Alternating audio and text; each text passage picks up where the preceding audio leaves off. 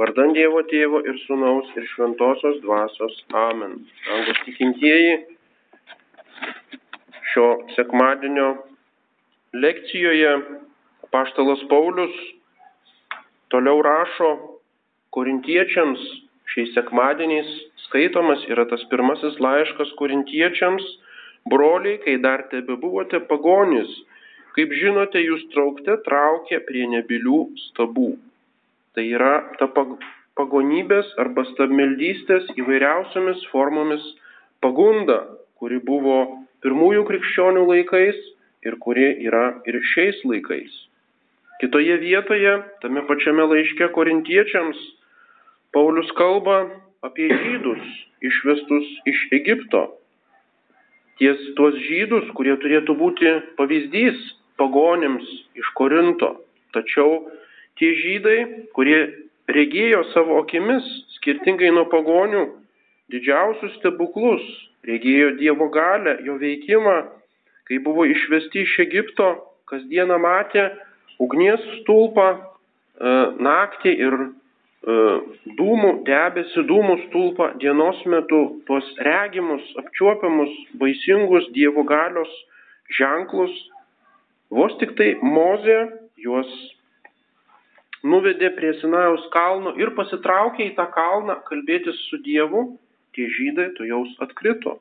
Kaip skaitome iš išėjimo knygoje, pasidirbo aukso veršį ir prie to netgi kunigai ir levitai bendradarbiavo šitame stabmeldystės akte.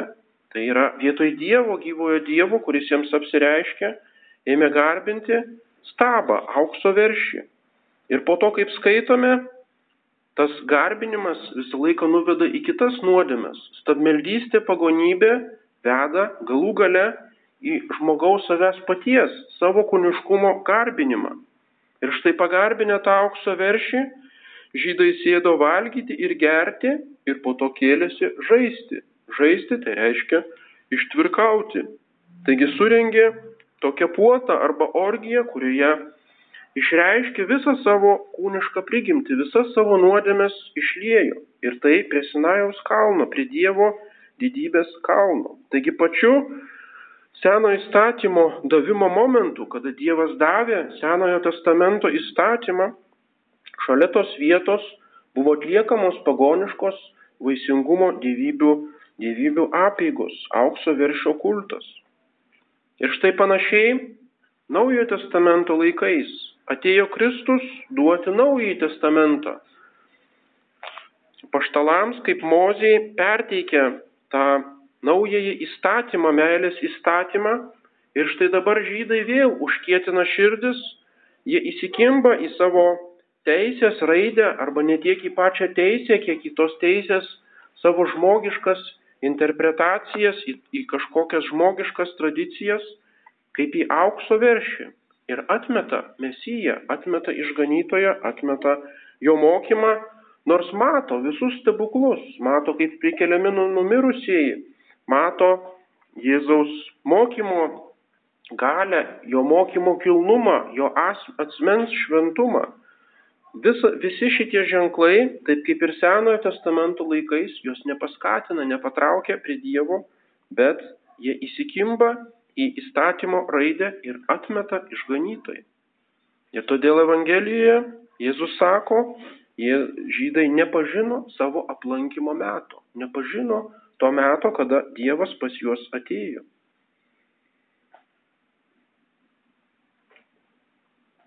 Ir štai tuo metu Jėzus verkia, kaip skaitome Evangelijoje, jis verkia čia vienas iš tų nedaugelio atvejų, kada skaitome apie Jėzaus Kristaus ašaras. Verkė Jeruzalės, to miesto, kuris jo nepriėmė, jisai verkė, kada mirė Lozorius, nors žino, kad jis prisikels, kad jis bus prikeltas ir taip pat lieja ašaras alyvų sodė, prakaituodamas krauju. Visą tai išreiškia jo širdies begalinį skausmą. Mus dažnai nesuprantame tų Dievo jausmų pareiškimo arba kaip Senajame testamente dažnai rašoma apie Dievo pyktį arba Dievo pavydą. Ir štai Naujajame testamente vėlgi matome Jėzaus emocijas, Jėzaus pyktį, kaip jisai išvėja pirklius iš šventyklos arba kaip jis verkia. Ir tie jausmai arba emocijos mums dažnai atrodo kaip silpnumas. Tačiau Senajame testamente tai te buvo Dievo valios aprašymas. Tai yra, Dievas neturi tų emocijų, tačiau Dievo valia reiškiasi e, galingais ženklais, reiškiasi energingais tos valios pareiškimais, kuriuos Senasis testamentas aprašo kaip žmogiškus jausmus. O štai Naujajame testamente Jėzus Kristus yra ir Dievas, ir žmogus. Jis yra pilnas žmogus su valia ir su jausmais. Ir jausmai yra natūrali sielos savybė, kuri lydi, lydi valią, sustiprina tą valią ir taip pat išreiškia valios ženklus. Ir todėl tai, kad jisai verkia, tai tik tai rodo, kad Jėzaus, Jėzaus širdis yra pilna gailestingumo, kad jis nori išgelbėti tuos žmonės. Jeigu Jėzus džiaugiasi, tai reiškia, kad jo valia pritarė žmonių geriems, ger, geroms mintims arba geriems darbams. Tos emocijos parodo Dievo valią žmo, išgelbėti žmonės. Ir taip pat, jeigu Dievas rodo tuos jausmus savo, savo bausmėmis arba savo malonėmis, tai yra tam, kad žmogų paskatintų geram ir kad atsitrauktų nuo blogo. Tačiau žmonės nekreipia į tai dėmesio. Žmonės provokuoja tą Dievo pyktį, provokuoja Dievo, dievo valią, baudžiančiąją valią, provokuoja Dievo bausti. Moralinė teologija išskiria iš šventojo rašto tas visas vietas, kur yra kalbama apie Dievo kerštą. Tai yra išskiria nuodėmės, kurios šaukėsi Dievo keršto. Tai yra nuodėmės, kurios provokuoja Dievo, dievo valią bausti žmonės. Viena iš tokių nuodėmių yra žmogžudystė. Žinoma, visais laikais buvo daugybė žmogžudyščių, žmonės žudėsi dėl žemiausių motyvų. Tačiau šiais laikais ta dangaus keršto besišaukianti nuodėmė tiesiog tampa sisteminiu dalyku, be kurio negali funkcionuoti visuomenė. Žinome apie abortus, žinome apie kontracepciją, kuri turi abortinį poveikį, kuri taip pat nužudo, taip pat e, eutanazija, taip pat e, organų persodinimas iš gyvų žmonių, imant iš gyvų žmonių, taip pat tas vadinamasis nevaisingumo gydimas, kuris reiškia E, e, vaisių nužudimą. Tai yra žmonės su kiekvienais metais išranta vis daugiau, vis subtilesnių būdų, kaip žudyti silpnuosius, neužsitraukiant savo sąžinės priekaištų. Žmogžudystė tampa lyg norma, lyg, lyg būtina sąlyga laisvo modernaus žmogaus funkcionavimo. Kaip tokia nuodėmė gali netraukti dangaus keršto? Arba Sodomijos nuodėmė, kuri žinoma visais laikais buvo paplitusi, tačiau ji niekada nebuvo aukštinama ar skelbiama norma. Toliau kita dangaus keršto besišaukianti nuodėmė yra vargšų engimas. Tai yra tų, kurie negali savęs apginti ir negali patys savęs išsilaikyti, jų engimas ir spaudimas ir jų gyvenimo griuvimas. Dabartinė ekonomika daugelie pasaulio šalių būtent tuo yra paremta. Ekonomika nefunkcionuotų, jeigu nebūtų šitos dangaus keršto besišaukiančios nuodėmės. Arba užmokesčio vargšui nesumokėjimas yra dangaus besišaukianti nuodėmė. O dabar tai tampa daugelį, daugelį vietų normalia, normalia tokia praktika arba verslo dalimi, Tai yra užmokesčio ne tik tai tokio, kuris būtinas žmogui išgyventi, kad jis nenumirtų badu, bet užmokesčio, kuris jam priklauso, kad jis galėtų išlaikyti normalią šeimą, kad jis galėtų gyventi normalų gyvenimą. Tai galiausiai tampa prabanga ir žmonės visą gyvenimą turi, turi gyventi tokiomis sąlygomis, kurios primena vergovę arba baudžiavą. Ir visa tai tampa sisteminė dalimi, visa tai yra nebe kažkokios išimtis, o tos dangaus besiškeršto, besišaukiančios nuodėmės tampa vos ne pagrindu, vos ne sisteminė, sisteminė programa visos visuomenės funkcionavimo. Tai kaip visa tai gali galų gale nepritraukti Dievo keršto? Ne Dievas yra žiaurus, kuris kerštingas ar pavydus, kuris trokšta keršto, bet patys žmonės greuna pamatinius dorovės principus ir prašosi tos bausmės arba pritraukia tą bausmę. Senajame testamente už aukso veršį, už kitas nuodėmes, kaip skaitome, iš karto žydus ištiko bausmė. Gyvatės arba kitos bausmės, kuriuose žūdavo net tūkstančiai žmonių. Naujajame testamente Jėzus Kristus pranašauja Jeruzalės pražūtį už tai, kad ji nepažino savo aplankimo meto, kad nepriėmė mesijo. Ir ta pranašystė išsipildė pažodžiui. Romėnai apgulė Jeruzalės miestą, pastatė pylimą, taip kaip Jėzus tiksliai nusakė, tūkstančiai, dešimtis tūkstančių žydų numirė badu ir buvo nukryžiuoti. Šventikla ir miestas buvo sugriauti. Taigi Dievo pyktis pasireiškė, Dievo karštas atėjo. Ir šiandien žmonės, žinoma, apie tai nenori net girdėti.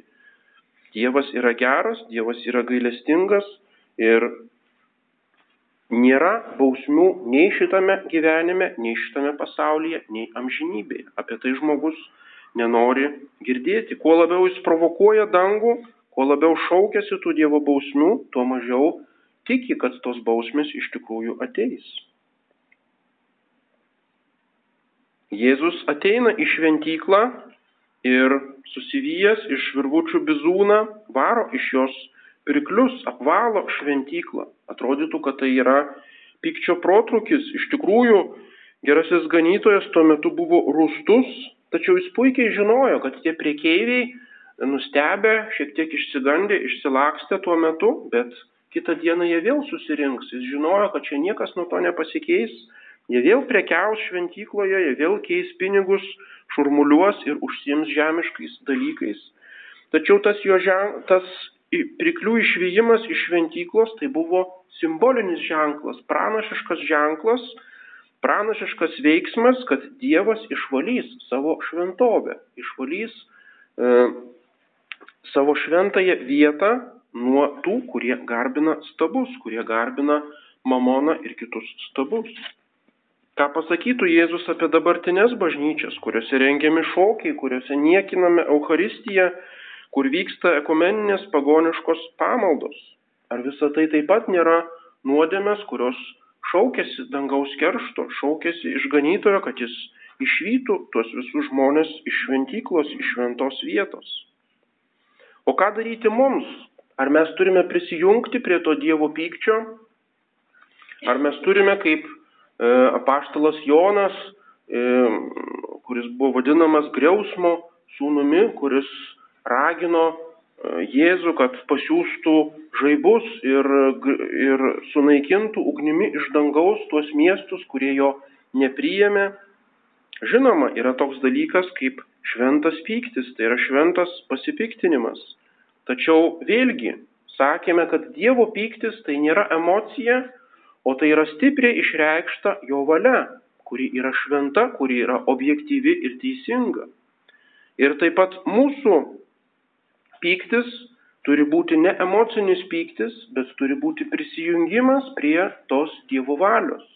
Mes turime nuosekliai e, prieštarauti ir nuosekliai protestuoti prieš tas dangaus keršto besišaukiančias nuodėmes, prieš tuos niekinimus Dievo šventovėje, mes turime su tuo nesutikti, turime ramiai tam prieštarauti, prieš tai protestuoti.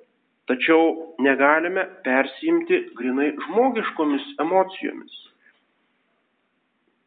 Dievas yra pasakęs Evangelijoje, mano kerštas, tai nėra žmonių kerštas, tai nėra žmonių bausmės ir žmonių karai.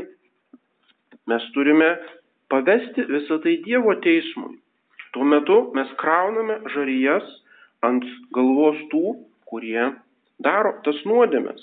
Ne mums, ne mūsų galioje apvalyti tą šventovę, ne mes turime nusipinti tą bizūną va, išvalyti tas šventovės. Ne mes kažkokia jėga galime nugalėti tuos, kurie šaukėsi to Dievo keršto ir provokuoja dangų.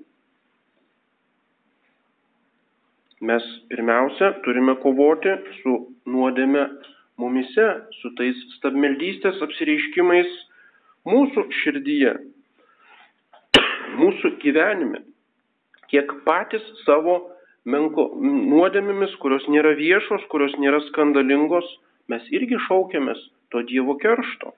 Taigi pirmas to pasipiktinimo aktas tai yra atgaila, taip kaip šios dienos Evangelijoje, tasai muitininkas atėjęs, kuris puikiai žinojo, kad yra nusidėlis, jisai galėjo pamatyti tą išdidų atsistojusi fariziejų, kuris garsiai meldėsi, koks jis yra teisus ir koks jis yra geras, tas muitininkas galėjo pasipiktinti, o koksai išpuikęs tasai fariziejus, kaip jisai nemato savo nuodėmių. Nieko panašaus. Muitininkas pirmiausia mušosi į krūtinę dėl savo nuodėmių. Jis pirmiausia atgailauja ir mato, ko jis pats yra prasikaltęs Dievui.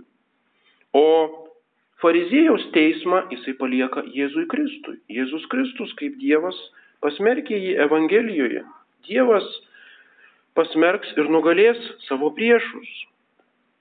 Ką daryti tada mums ištikimiesiems? Nepasiduoti toms emocijoms, nenulatos e, pulti tą dabartinį pasaulį ar dabartinius bažnyčios vadovus, nulatos kritikuoti, nulatos, e, nulatos e, barti ir, ir reikšti savo emocijas, kurios dažnai yra žmoni, žmogiškos.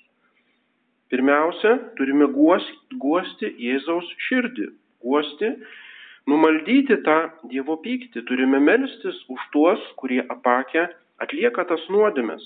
Turime stengtis sulaikyti Dievo baudžiančią ranką. Tai yra mūsų užduotis. Tai gali mūsų maldos, tai gali mūsų geri darbai ir mūsų ištikimybė persekiojimuose ir sunkumuose. Ir iš tikrųjų, Juk jeigu tos nuodėmės šaukėsi Dievo keršto, tai Dievas turėtų nuolatos keršyti, žmonija turėtų nuolatos patirti tą baudžiančią Dievo ranką.